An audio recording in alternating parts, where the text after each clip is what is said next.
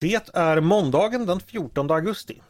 Jag heter Andreas Eriksson och du lyssnar på Ledarredaktionen. En podd från Svenska Dagbladet.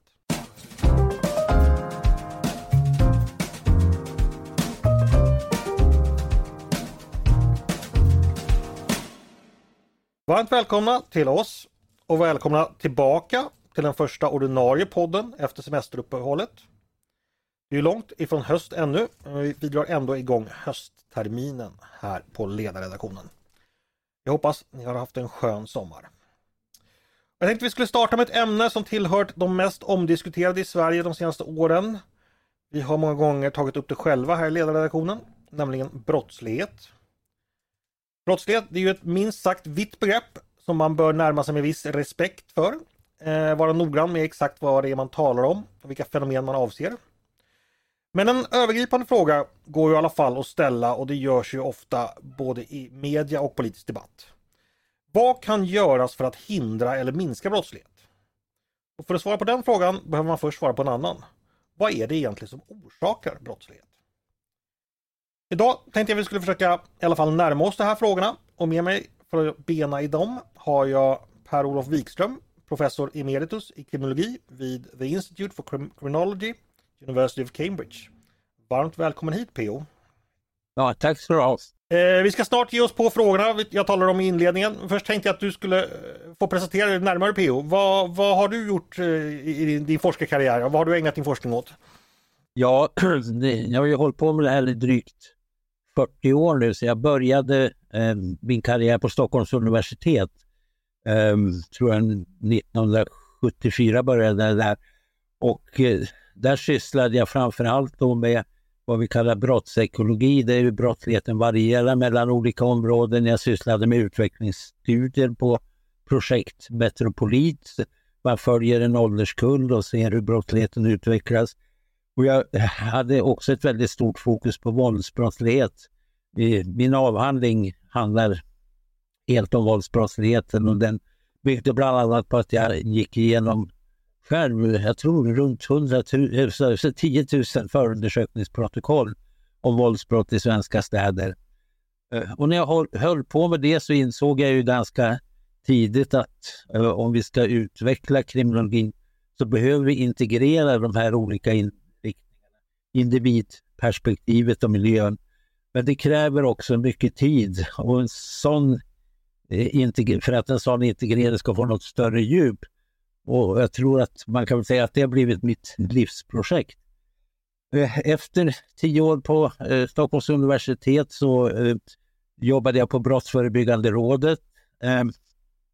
Och där sysslade vi med att utveckla lokalt förebyggande arbete.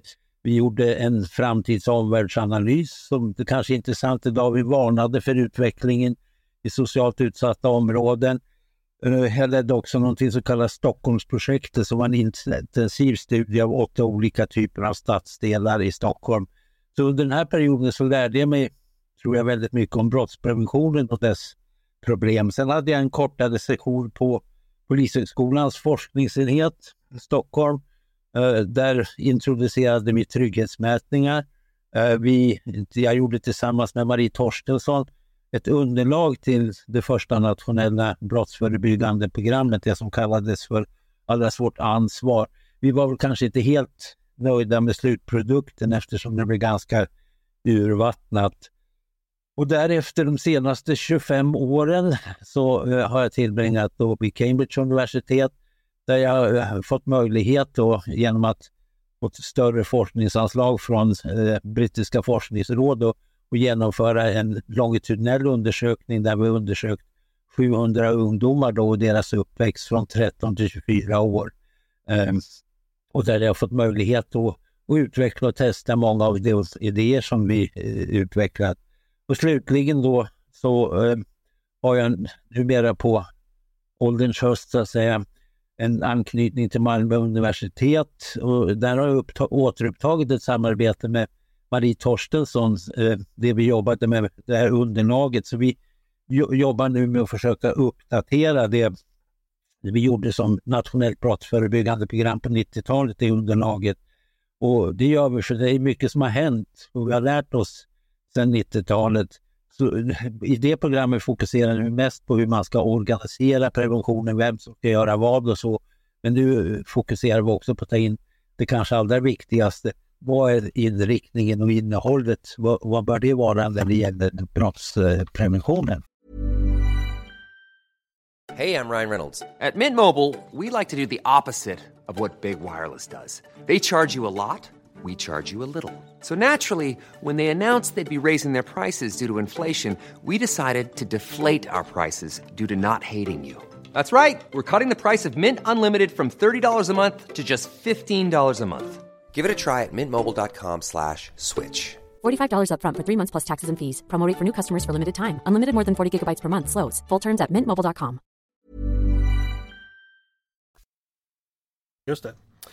Eh, jag ska också säga att en anledning till att du är här just nu eh, och vad som gör dig aktuell just nu det är att du har skrivit en rapport för Stockholms Handelskammares räkning. Eh, när brott blir ett acceptabelt handlingsalternativ heter den. Och den publicerades tidigare år. Eh, vi ska återkomma till, till att prata om den. Jag tänkte bara fråga, den här uppställningen jag gjorde inledningsvis att man först behöver ha en föreställning om brottslighetens orsaker för att sen kunna göra någonting åt den. Det låter ju intuitivt och ganska ja, barnsligt enkelt att det är så. Men, men, men är det så enkelt att man, man behöver ha ganska klar, klara, klar bild av orsakerna innan man kan börja göra något åt saken så att säga? Resonerar ni kriminologer också så?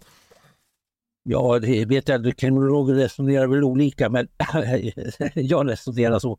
Ehm, man kan ju säga att när jag jobbade med den här rapporten som du nämner, så gick jag igenom olika svenska statliga utredningar om brottsligheten. Jag tittade på myndigheternas styrdokument om brottsprevention. Och vad jag slogs av då är att det är en total brist på diskussion om varför människor går brott, det vill säga vad brottspreventionen ska påverka. Och eh, man kan säga att den typiska slutsatsen då i de här olika dokumenten det är att brott är ett komplext fenomen med många olika orsaker som alla måste angripas. Och det är ju en ganska hopplös utgångspunkt om man vill eh, utveckla åtgärder för att förebygga ett eh, problem. Ofta så är det alltså en ganska diffus bild man har av orsakerna. Man, man, man, man, man mer eller mindre säger att allt är möjligt. Eh, och så nöjer man sig med det utan, och, och man, man, man, kommer inte så mycket längre i den slutsatserna kring, kring orsakerna. Är, det så jag ska tolka dig? Ja, man, man hoppar över så att säga, det här steget och, och, och frågar sig var, varför begår vi brott? Vad är det vi ska påverka? Och så eh, tittar man på vad finns det för olika åtgärder? Vad har folk gjort här? Man har något projekt i Tyskland som man importerar. Man har ett projekt i USA som man importerar. Någon har någon lokal idé om vad man ska göra och så vidare. Så man saknar så att säga den här styrningen och vägledningen från de grundläggande kunskapsgrundade idé om vad är det som gör att människor eh, begår brott. Nästa fråga är, jag sa inledningsvis att brottslighet är ett väldigt vitt begrepp eh, där olika former ibland uppmärksammas olika mycket. I Sverige i år så pratar vi ju mycket om framförallt skjutvapenvåld och grov så kallad gängbrottslighet. Vid andra tillfällen har det exempelvis varit narkotikabrott som har stått i centrum eller sexualbrott. Hur mycket ska man tänka på brottslighet som ett enhetligt fenomen som man kan diskutera som en helhet? Hur, mycket, hur viktigt är det att vi ibland skiljer på olika typer av brottslighet åt när vi analyserar dem? Vad har du för tankar om det? Ja, man kan ju, man kan ju säga att all brottslighet handlar ju ytterst om moral. Det är liksom en fråga om vad som är rätt och fel att göra. Brott är ju handlings, att bryta mot handlingsregler som är angivna i lagen. Och jag, jag vill hävda att den grundläggande förklaringen, i orsaksprocessen för alla brott är densamma. För att en människa ska begå brott så måste man först uppfatta och sedan välja det som ett acceptabelt handlingsalternativ i den omständighet man befinner sig. Så vad som skiljer olika behåll, eh, brott eh, är innehållet i de här olika moraliska värderingarna som påverkar om vi ser det som acceptabelt. Och här är ju centrala faktorer vår egen personliga moral, de moralnormer som finns i de miljöer vilka vi deltar i. Eh, så det gäller att förstå hur olika moralvärderingar inspirerar eller uppmuntrar vissa människor och se vissa brottshandlingar som acceptabla i olika omständigheter. Hur till exempel om man ser att det är okej okay att snatta i en butik, misshandla en partner, förskingra pengar, skjuta medlem av ett rivaliserande gäng och så. Orsaksprocessen är så att säga i grunden detsamma. Vi måste uppfatta och välja. Men de värderingar och så som påverkar om vi uppfattar och väljer, kan man ju säga är mer brottsspecifika. Det där är väldigt intressant. Eh, vi ska återkomma till det där med, med just moral och vad som uppfattas som acceptabelt handlingsalternativ. Jag tänkte först eh, ställa en annan fråga. Eh, inför det här programmet när vi, när vi talade om saken. Det här är kanske självklart för alla er som forskar i det men kanske inte för alla.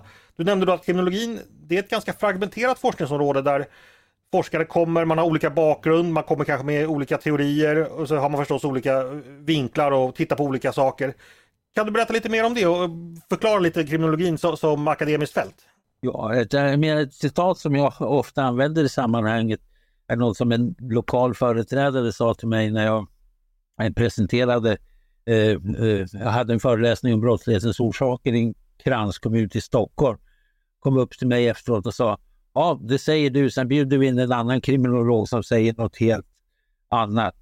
Och, och, och jag förstår att det kan vara ganska förvirrande, men jag hävdar dock att om man tittar och går igenom den mer seriösa delen av kriminologisk forskning så är resultaten väldigt konsekventa och möjlighet, möjliga att integrera. Eh, och Det är också så att eh, mycket av den bästa kriminologin kanske inte enbart utförs på kriminologiska institutioner utan utav eh, de som jobbar inom psykologin eller sociologin och som intresserar sig för eh, brottsproblemet.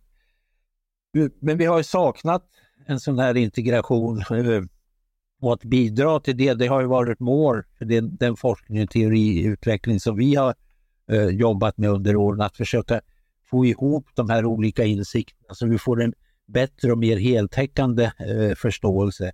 Det är klart, det är ett projekt som kommer att vara alltid vara pågående, för det kan ju alltid förbättras så att säga, vår kunskapsläget. Men jag tror att det är en väldigt viktig del att just försöka få ihop det hela till någon slags enhet. Du nämnde också tidigare att kriminologin är ett eh, så kallat tillämpat forskningsområde. Att eh, brottsligheten är ju det man tittar på, det problem man vill lösa. Men så kommer man från olika håll så att säga, ja. när man angriper problemet.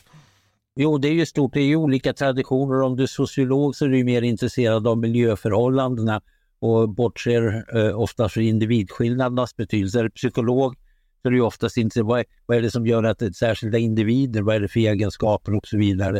Eh, och så. Sen finns det ju de som också är intresserade av mera breda samhälls, samhällsutvecklingstendenser och sånt. Så det gör ju det att, eh, och sen vi har ju de som är intresserade av genetik till exempel. Vad spelar genetiken för roll? Neuropsykologin eh, och så vidare. Och eh, kommer man från en viss disciplin så tenderar man att fokusera just på den disciplinens problemområde.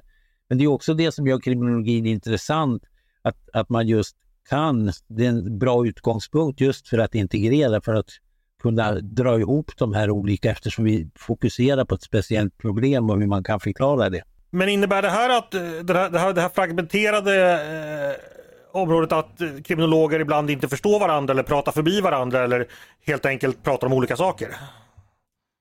Ja, det, det kan det mycket, mycket väl göra. Man så att säga, socialiseras ju in i en, en, i en särskild disciplin då.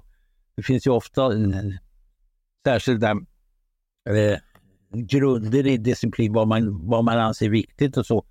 Och det kan ju försvåra just det här. Ibland kan det ju till och med leda till konflikter då mellan olika discipliner när det gäller vad som är de dominerande förklaringarna.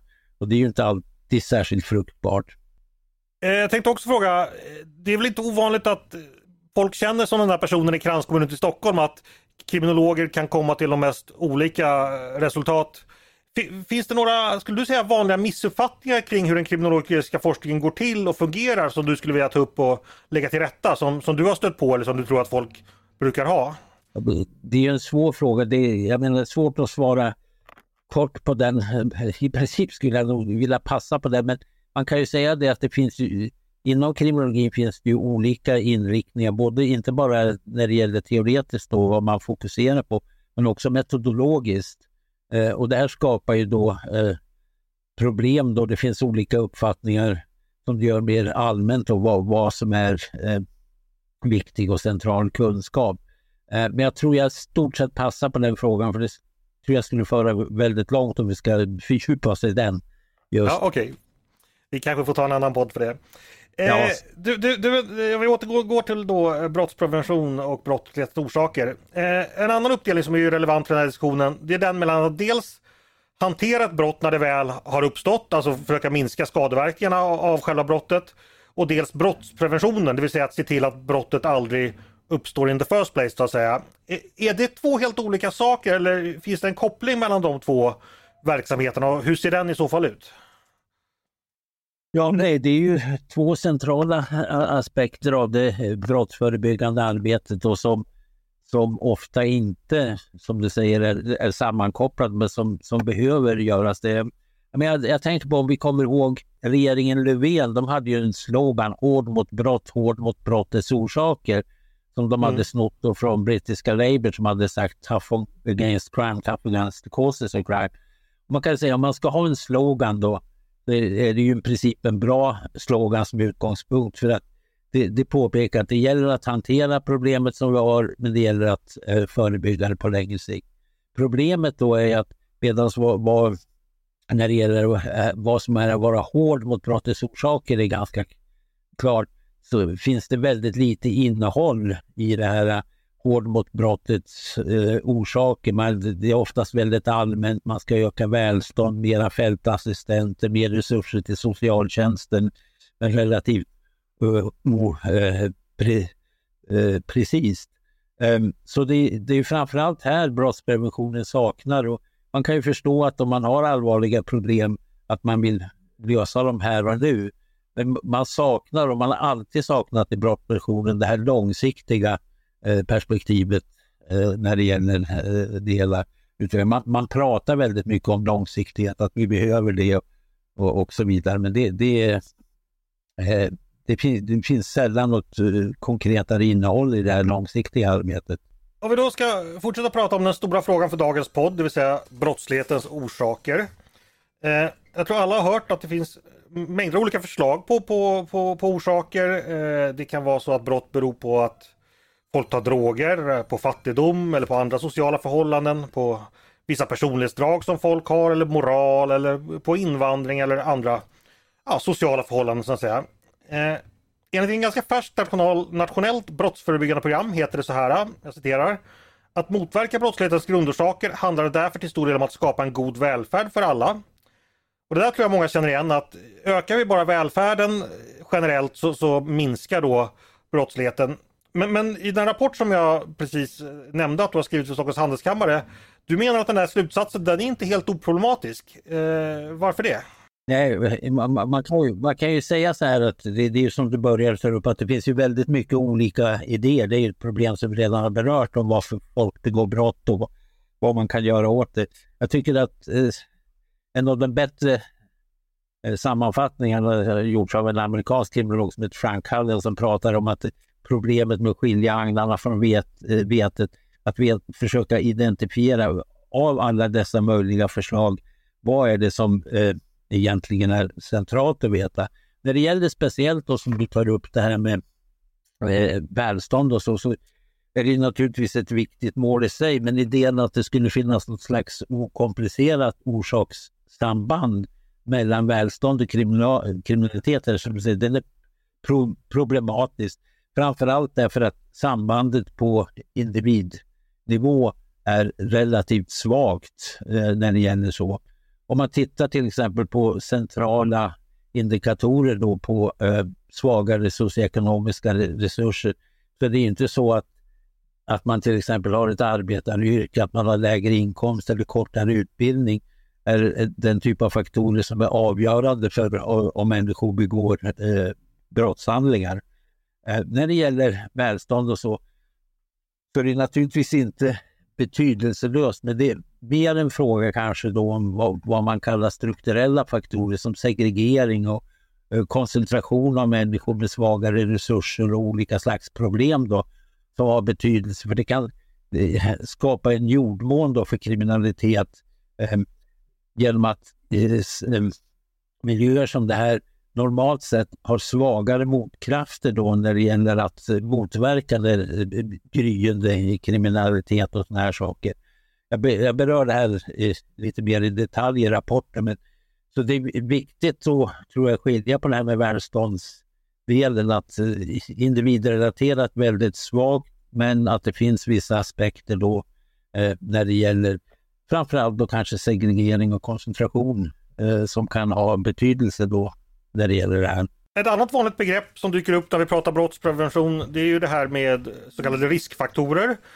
Där man då kan se att om en individ har en eller flera sådana, det kan exempelvis röra sig om frånskilda föräldrar, då korrelerar det också med högre risk att begå ett brott. I samma rapport då så problematiserar du också det sättet att resonera. Hur tänker du kring riskfaktorer? Vilken betydelse har den och i vilken grad förklarar det brottslighet?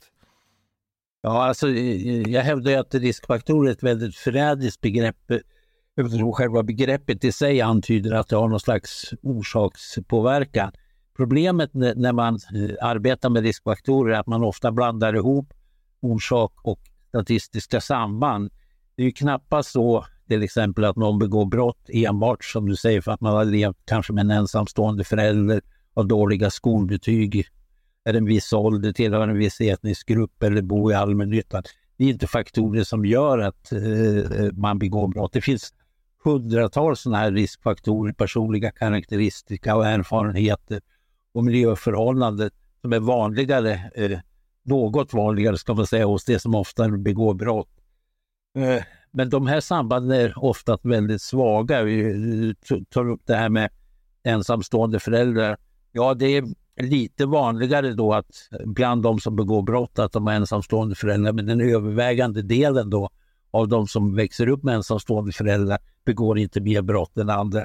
Detsamma gäller eh, den andra typen av de här faktorerna som eh, eh, eh, jag nämnde.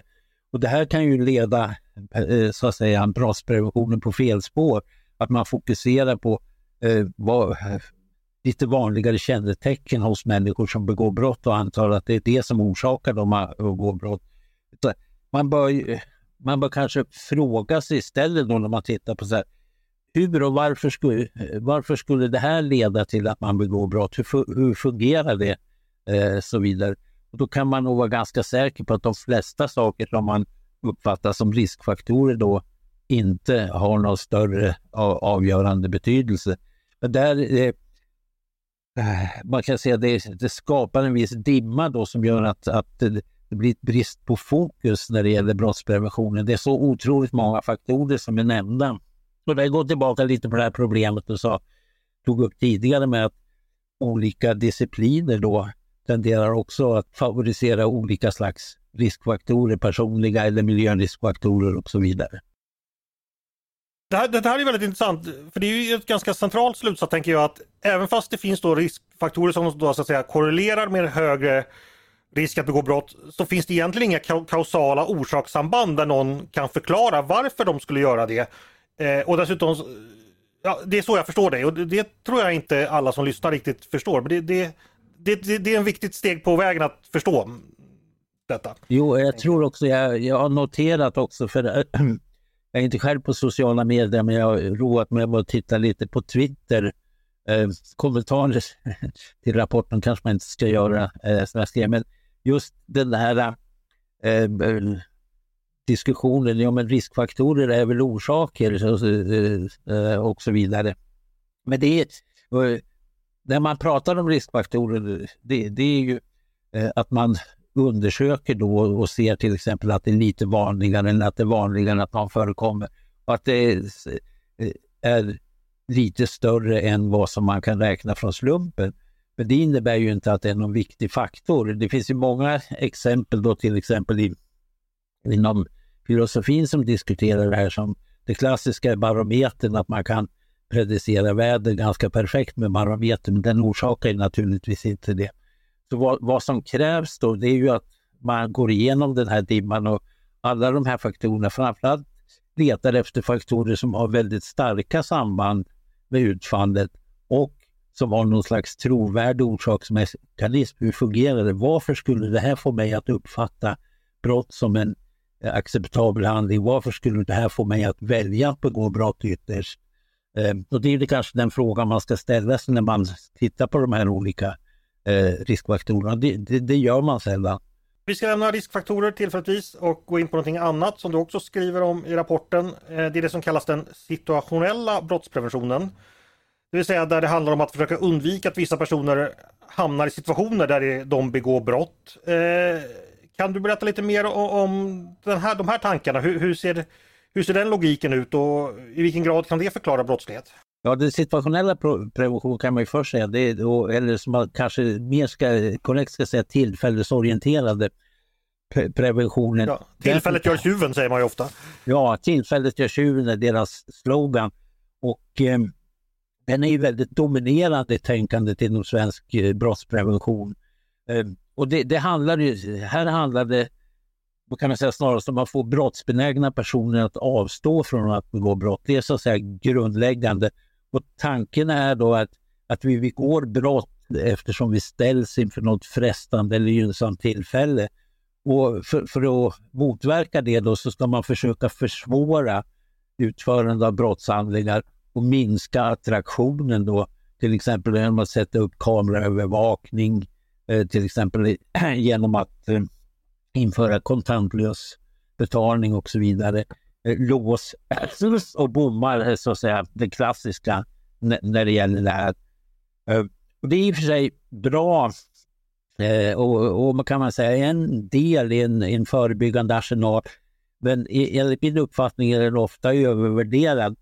Och den är övervärderad, övervärderad av framförallt, tror jag, den utgångspunkten att de flesta av oss begår inte brott Eh, även om vi ställs inför gynnsamma tillfällen eller frestande tillfällen. Alltså vi ser helt enkelt inte det eh, som ett alternativ. Du kan ju tänka själv, jag vet inte hur det är med dig, men hur ofta du överväger, då, jag kanske inte ska fråga dig, hur ofta överväger du att begå brottshandlingar i din vardag? Eh, och då, för de flesta människor så, så, är det inte så. Vi, när vi går och handlar till exempel så funderar vi kanske inte, ska jag betala idag eller ska jag snatta sakerna? Eh, om man tar eh, eh, bilparkering som har kameraövervakning. Om de tar bort kameraövervakning så säger nu ska jag stjäla en bil. Eller om vi säger att man eh, inför kontant, eh, kontanter igen. Nu är det ett bra tillfälle att råd. Det, så fungerar det naturligtvis inte utan det är endast för de människor som först har någon, någon slags benägenhet eller intresse för att, att, att göra det. Så det är väldigt viktigt då att det här är, är så att säga en, en defensiv eh, prevention. Den inriktar sig då, precis som rättsväsendets aktiviteter i stort, just på att, att försöka eh, fokusera på de som överväger eh, eh, att begå brott. Sen, skriver du också, jag ska citera dig ur, ur den här rapporten, eh, en liten allmänt omdöme som lyder så här. Eh, bristen på kunskap om och intresse för vad det är som ska påverkas, orsaker, främjar ett osystematiskt låt tusen blomma, blommor blomma-ansats där många av de åtgärder som vidtas riskerar att vara verkningslösa och därför ett slöseri med tid och resurser och i värsta fall kan visa sig vara kontraproduktiva. Att, och det låter ju ganska dystert. Eh, men ja, vill du utveckla det? det, det eller ja, vad, vad, vill, vi, vill du utveckla någonting kring detta? Ja, nej, men det är riktigt. Jag är helt övertygad efter ja, mina 40 års erfarenhet av forskning om det här och arbetat, jag har arbetat med olika lokala centrala brottsförebyggande eh, eh, aktörer. Brottspreventionen, om man tar normalt, det är ju ett, man ska säga, ett sammelsurium av hemsnickrade åtgärder, FoU-baserade åtgärder utan någon större samman, eh, samordning. Men det finns till exempel exempel på att man kan hitta att i någon stadsdel kan man har kanske till och med upp mot 50 olika projekt som eh, eh, förs med brottsförebyggande utan att de har någon relation till varandra och samordnade utan att man riktigt vet varför eh, de ska förebygga. Så den här bristen på styrning och samordning den är, den är typisk för det brottsförebyggande eh, arbetet. Och, eh, vad, vad, jag försöker hävda är att man, man behöver vägledning då. Man behöver starta med en utgångspunkt och fråga sig vad är det som orsakar brottsligheten? Vad är det vi ska påverka? Och först därefter så bör man fundera, okej, okay, hur kan de här åtgärderna eh, påverka det? I, i vilket sätt? Och vem kan göra vad i, i det här sammanhanget? Tillsammans eller, eller med andra eh, och så. Men, men situationen som den är i brottspreventionens vardag, det är att man har ett så att säga, hopplock av olika åtgärder då eh, nämnde tidigare, man kanske hört talas om något projekt i USA, så då överför man det till ett projekt i, i Tyskland och, och så vidare och så överför man det och, och så vidare. Men man saknar den här helhetsstyrningen. Så då har, du, då har vi fått kritik, eller har fått höra din kritik mot en del eh, andra teorier. Jag tänkte vi ska närma oss den stora frågan vad ditt svar är på vad som orsakar brottslighet. Och i ovannämnda rapport så tar du upp någonting som heter situationell handlingsteori. Där du analyserar brott som ett moraliskt handlande.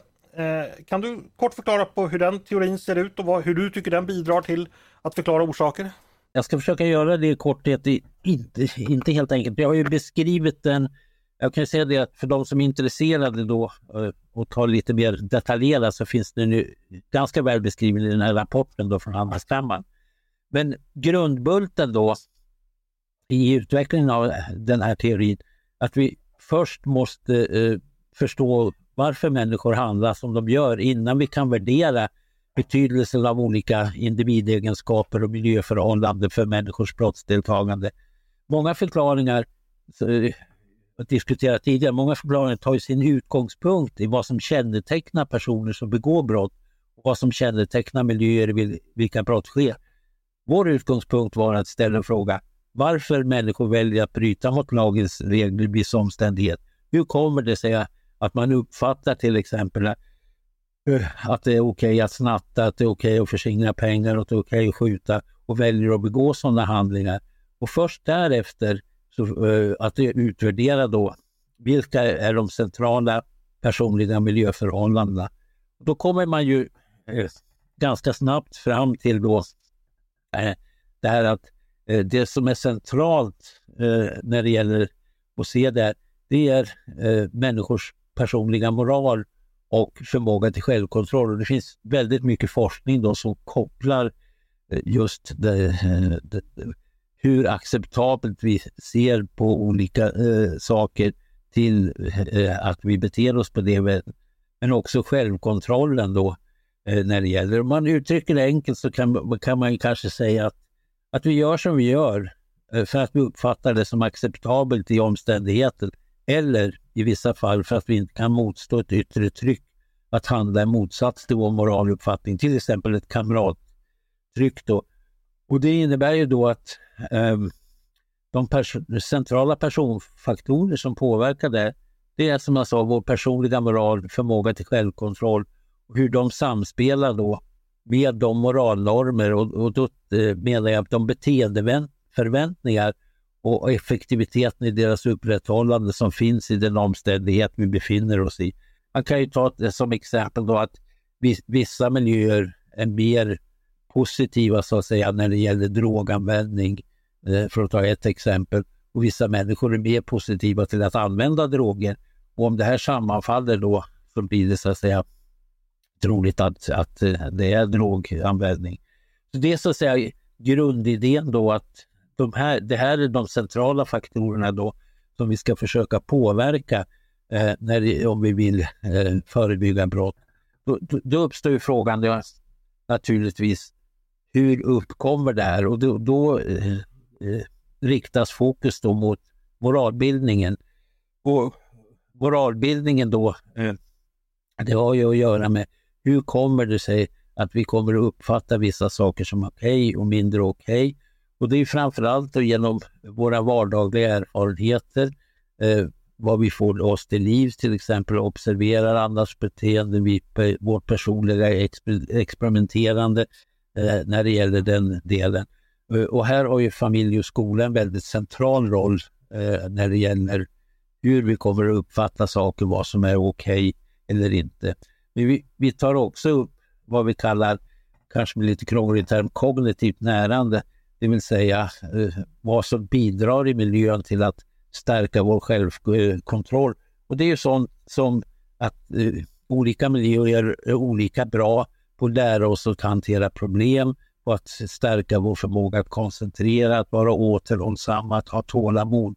Och det, även om det, det inte direkt påverkar om vi uppfattar brott, så är det en viktig faktor som gör att vi, vi kan motstå influenser att involvera oss i brottshandlingar. Så det är de individuella viktiga processerna då att påverka. Och, och initialt så är det ju eh, som diskuterar rapporten också, familj och skola har en central roll här. Här kan man säga att eh, väldigt många är, ju, är överens om att familj och skola och sådana här saker är, är oerhört viktiga. Ehm, vad jag skulle säga i det sammanhanget är att man är lite ospecifik vad det är i familjer, i skolan. Man, man kanske antar att det är huvudsakligen en fråga om mer resurser. Men jag skulle vilja hävda att vad som är centralt och som man också bör fokusera på är det moraliska innehållet då i det här. Vad, vad finns det för moraliskt innehåll? Och, till exempel i skolan eh, när det gäller den här typen av frågor. Sen när vi pratar om miljöerna då så har det att göra med moral, normbildningen i samhället och i stort, eh, hur den fungerar och påverkar. Här gäller det att få att försöka undvika då att man skapar eller upprätthåller miljöer då som normaliserar eh, eh brottslighet. Eh, när det gäller. Och sen har vi då själv, slutligen då normupprätthållandet och det är här nästan allt krut går i brottspreventionen. Det är ju så att säga att försöka se till då att människor väljer att, att inte begå brott genom de avskräckande kvaliteterna av miljöerna till exempel genom rättsväsendets insatser, polisnärvaro till exempel. Men det kan också gälla de här tillfällesbegränsade, att man tycker det är för svårt eller oattraktivt att be, begå brott. Och, och problemet då, som jag ser det, är att vi har enormt fokus på den här reaktiva, defensiva, eh, som behövs, men eh, med, med, med avsaknad av intresse då för hur vi kan påverka och försöka bygga upp då Eh, strategier och åtgärder när det gäller det, det andra. Eh, mycket intressant. Jag tror jag förstod det mesta av det där. Eh, bara för att förtydliga ännu mer. Hur mycket och på vilket sätt skulle du säga att de här tankarna skiljer sig från andra vanliga teorier som försöker förklara samma sak? Vad är det så att säga det, det, det främsta bidraget och främsta skillnaden? Ja, alltså jag skulle säga att de två främsta bidragen är ju att eh, vad vi har jobbat med är att integrera centrala insikter då från andra teorier och teorier som har visat sig bärkraftiga i forskning. Då. Jag pratade, det finns ju miljöbaserade teorier, individbaserade teorier. Hur vi försöker integrera så, så att så att säga ta det som är bärkraftigt från olika teorier och sammanföra det och försöka integrera det. Det, det, det är en, Eh, en del. Men inte bara från kriminologisk teori utan vi använder oss, så, oss mycket från mer allmän beteendevetenskaplig teori. Eh, det andra bidraget, tror jag, kanske viktigaste, det är att vi försöker göra det här inom ramen för en handlingsteori. En teori som förklarar varför vi gör som vi gör. Ehm, jag sa det att man måste starta med att fråga sig varför gör vi som vi gör och sen försöka förstå vilka individ och miljöegenskaper som påverkar det. Ehm, och när det gäller handlingsteorier så den vanligaste handlingsteorin, de flesta kriminologiska teorier har ingen handlingsteori, men om man har någon slags uppfattning om det så gör man i allmänhet eh, referenser till eh, den nationella valsteorin eller rational choice-teorin eh, som eh, eh, till exempel tillfällesbegränsade eh, preventiva åtgärder är grundade i det, idén att, eh, så att, säga, att, man, att man drivs då eh, i stort sett kanske av sitt självintresse och att man har man tillfälle att gö göra det så eh, tillämpar man det. Eh, vi har ju en annan eh, utgångspunkt för och som jag tror stämmer mycket bättre med den forskning som finns då både när det gäller neuro, från neuropsykologi till sociologi, att, att människor är i grunden regelstyrda varelser. Eh, och det är så att säga utgångspunkten, inte så att säga självdrivande. Självintresset förekommer naturligtvis, men eh, självintresset uttrycks genom regelstyrning, eh, så att säga. Eh, så det så att säga, man ska säga, jag tror om man kort ska säga grundbidragen att försöka integrera olika teorier och göra det inom ramen för en, uh, en handlingsteori. Ytterligare en väldigt stor fråga, men, men i vilken grad skulle du säga att det brottspreventiva arbete som sker i Sverige idag är präglat av den här förståelsen för, för moral och moralbildning och vad som gör brott till ett acceptabelt handlingsinitiativ? Inte mycket. Inte mycket? inte mycket, inte alls. Eh, jag kan ju säga att jag har noterat ett eh, starkt ökat intresse för det här sedan eh, vi började. Så, och det är intressant och det är ofta när jag presenterar den här teorin och vår forskning som underbygger den för praktiker så får jag ofta ett mycket positivt gensvar och många som tycker att det här stämmer bra med deras vardagliga erfarenheter hur det fungerar. Jag brukar ofta säga till folk när jag pratar om teori att man, man ska alltid tänka så här, kan den här teorin förklara hur jag beter mig? Förklarar den, den här teorin varför jag inte begår brott i de flesta omständigheter och de omständigheter jag kan tänka mig att bryta mot lagens regler. Om den inte förklarar mitt beteende särskilt bra, då är det säkert ingen bra teori eh, när det gäller det hela. Eh, och eh, jag tror att det är en bra utgångspunkt att tänka på det eh, när det gäller sånt här. Men säg då att eh, man så att säga går, skulle gå mer åt hållet i de tankarna du har i det brottspreventiva arbetet. Hur, hur, skulle det, vad skulle det få för konsekvenser? Hur skulle det brottspreventiva arbetet konkret förändras då? Går det att säga någonting om det? Ja, det, man skulle naturligtvis... Eh, nu fokuserar man ju väldigt mycket just på, som jag pratat om, eh, riskfaktorer då, reducera riskfaktorer i den mån man kan och på tillfällesbegränsning. Det är väl de, tror jag, de två dominerande så att säga, grunderna. Eh, man skulle intressera sig mer då till exempel för hur, hur moralbildningen sker i samhället och eh, hur, vad är det som gör att brottsligheten normaliseras i olika miljöer. Det finns ju väldigt mycket forskning om hur man kan påverka normer, inte kanske inom kriminologin direkt, men inom många andra områden där man har försökt eh, påverka allting från rökning till klimat till, äh, till användande av preventivmedel och sådana här saker. Men jag tror man kan lära sig väldigt mycket och överföra äh, till det här. En intressant fråga är ju, äh, jag vet inte om du röker, jag är gammal rökare och, och vi har ju gått från en situation där jag född på 50-talet där läkare stod då och, och gjorde reklam för jag röker krämer till nu för tiden att man nästan uppfattas som paria om man röker. Och den här är ju en enorm normförändring som har skett i samhället. Jag kan ta andra exempel, att använda bilbälten eh, och, och sådana här saker. Eh, synen på eh, alkohol. Det finns massor av sådana här saker och jag tror man kan, om man funderar kring de här processerna så kan man också lära sig en hel del om eh, när det gäller kriminalitet mera i, i allmänt. Att de här stora långsiktiga förändringarna då har stor, eh, stor betydelse för eh, förändringen eh, eh när det gäller den här delen. Så eh, mer fokus på moralbildning och hur normer formas och, och, och eh, upprätthålls och undvika normalisering och undersöka, titta kanske lokalt på miljöer. Mer då än att titta, har man bra lås eller har vi kameraövervakning och så, så kan man också titta på miljöer. Vad är det i de här miljöerna som gör att folk tycker att det är acceptabelt att begå vissa typer av handlingar? För det finns ju stora variationer om du tar till exempel mellan olika krogar, mellan olika affärscentrum, mellan olika, eh, när det gäller förekomsten av brott. Eh, eh, så. Och det hänger ju delvis samman just med de här förväntningarna. Delvis med vilken slags människor som det är, men också delvis kombinationen med vilka förväntningar man har på hur, hur man bör bete sig. Just det. Eh, ska fortsätta tala om eh, an, an, andra exempel på hur brottspreventionen, hur man arbetar idag. Det är ju så att vi har ju en myndighet som har till uppgift att ta, ta fram fakta och sprida kunskap, bland annat om det brottsförebyggande arbetet, nämligen BRÅ. Eh, du skriver ju en del i din rapport om BRÅ. Eh, vad finns att säga om det? Hur, hur väl lyckas BRÅ skapa kunskap kring brottsprevention och brottsförebyggande arbete idag skulle du säga? Ja, jag jobbade ju tio år på BRÅ så jag har ju lite av mitt hjärta där får jag säga.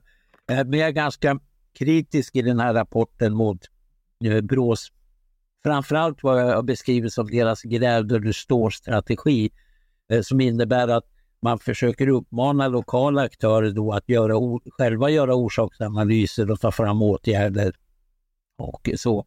Och eh, själv anser jag att det, det är nog BRÅs jobb att göra orsaksanalysen och bidra med det till och eh, också försöka bidra med åtgärder. Kommuner har sällan kunskap eller resurser för att göra det. Och det här är ju särskilt viktigt nu när man lagstiftar om eh, lokalt brottsförebyggande.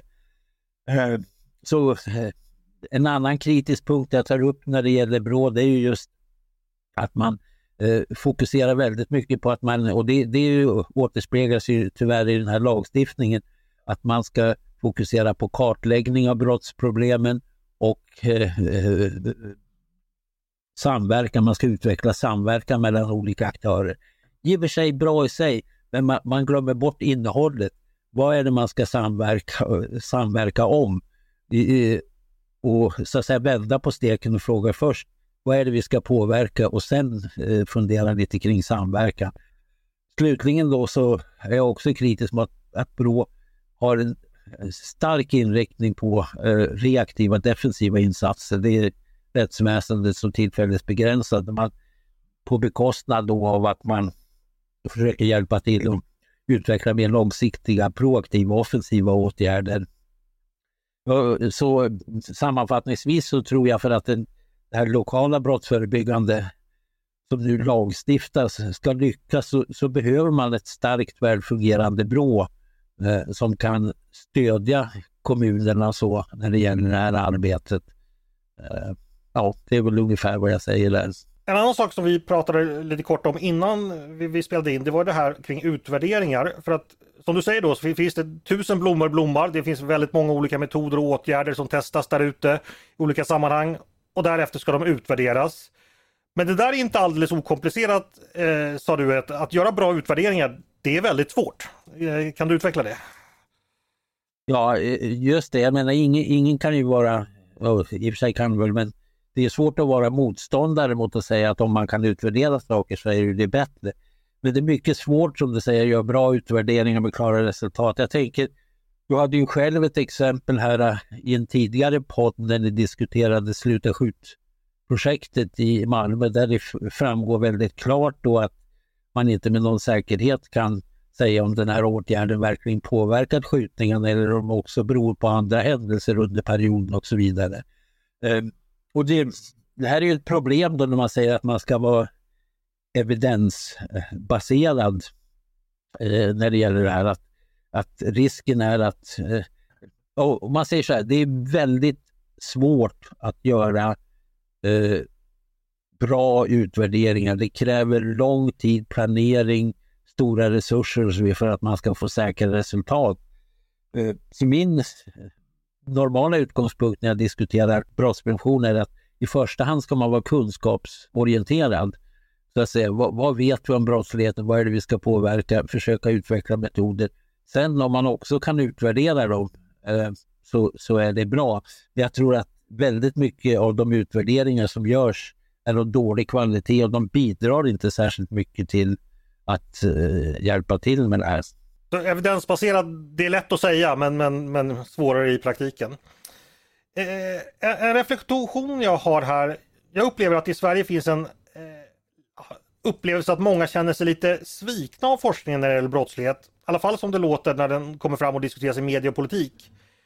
N när en, saker utvecklas i Sverige på ett sätt som exempelvis att antalet skjutvapendöda ökar kraftigt eller sexualbrotten ökar kraftigt så här så är det väldigt många kriminologer och jurister som dyker upp i media och säger att ja, vi vet faktiskt inte riktigt vad för orsaken och det här skapar en viss frustration.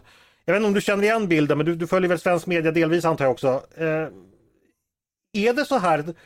Ja, varför är det så? Varför är det så ofta ett töcken så att säga att, att man har så få svar när ändå hela samhället letar efter svar? Alltså det, en, en sak jag skulle säga att man, på sätt och vis kan man kanske säga att man ställer ganska orimliga krav på kriminologin.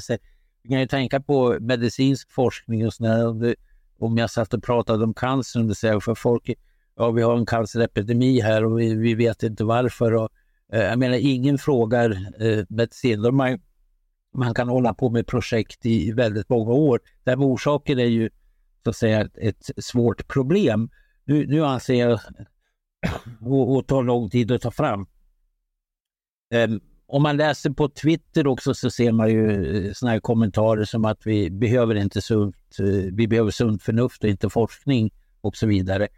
Problemet är ju, eh, om man ser ur det, det perspektivet, att vad vissa uppfattas som sunt förnuft delas inte av andra. Så vi behöver tyvärr kvalificerad forskning som kan försöka värdera olika, alla de här olika idéerna och, och deras bärkraftighet eh, när det gäller det. Men det är klart det är frustrerande. Kanske ett större problem då är att, att många tvingas ut, eh, tvingas inom situationstakt eller känner sig manade att kommentera om orsaker, kanske utan att ha någon större... Det är ju inte så att alla som forskar om kriminologi håller på med orsaksforskning eh, och så vidare eh, när det gäller den här delen. Och mycket av den forskning som görs eh, den eh, sysslar ju mer med problemdefinitioner, beskrivningar, har det ökat, har det minskat, vem är inblandad i brott och så vidare. Vi har en brist, skulle jag vilja hävda, på orsaksorienterad forskning. Om man tittar på den, den forskning som forskningsråden stödjer och sånt här så är det ju väldigt sällan orsaksrelaterad forskning eh, när det gäller den delen. Eh, och sen har du ju det här problemet som vi har pratat om tidigare då att den dis disciplinspecifika forskningen då att du, du kommer då forskare från olika bakgrund med olika idéer och, och framhäver olika saker och det som jag sa förut, den här bristen på integration gör ju att vi har en brist på vägledning då. Eh, jag tror ju, som jag sagt, att om man tittar på den kvalificerade forskningen på olika och sammanför de centrala insikterna så är de ganska konsekventa eh, och, kan ge ett bättre så att säga, stöd till utvecklingen av brott, eh, brottsprevention än annat. Men det är klart att, att, att äh, det är en frustration, men jag, jag, jag tror att man ibland kan säga att det är lite orättvist om man jämför med andra forskningsområden. Man har väldigt stora förväntningar på vad man kan åstadkomma med nästan inga resurser för den här typen av forskning. Vår tid börjar rinna ut så vi har bara tyvärr, vi ska snart avrunda, vi har tyvärr bara tid med en fråga till. Men, men eh, du har redan nämnt det här med långsiktighet och det var någonting vi pratade om också innan vi spelade in att eh, det är långsiktighet som behöver prägla brottspreventionen men att så sällan är fallet. Eh, vad finns att säga om det? Vilket tidsperspektiv talar vi om då? Och, och, vad tror du skulle krävas för att uppnå den långsiktighet som, som behövs? Ja, långsiktigheten kräver ju då för, först att man eh, börjar och, och eh, så att säga, som vi har pratat om, och fokusera in på vad är de långsiktigt viktiga åtgärderna att påverka? Och jag har ju hävdat då att det är saker som mor moral och normbildningen är de långsiktiga. När det gäller tidsperspektivet då så är det ju inte så här att om man börjar arbeta och, och är framgångsrik på det området att det, det händer och sen vid en viss punkt så fungerar det utan det är ju en gradvis utveckling. Och det sker ju en gradvis förbättring men man måste ju jobba långsiktigt. Och jag tänker ofta på det här med uh, socialt utsatta områden då och just det här med de här varningssignalerna som fanns på 90-talet. Om man hade börjat jobba då så kanske man hade kunnat moderera problemet. Men det är, inte, det är ju en sak som sker gradvis, så att säga, en förbättring. Och sen kan det ju finnas då tippningspunkter som gör att det blir större effekter. Det kan man ju tänka på.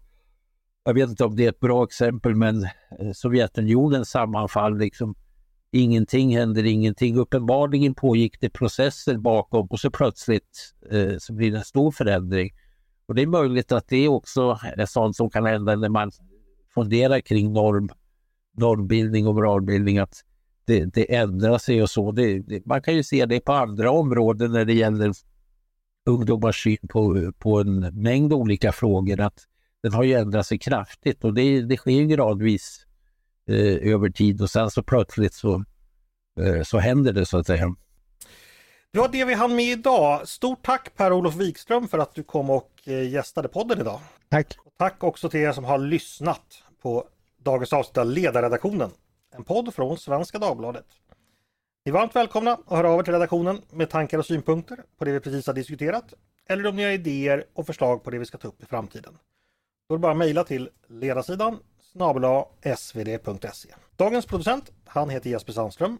Själv heter jag Andreas Eriksson och jag hoppas att vi hörs igen snart.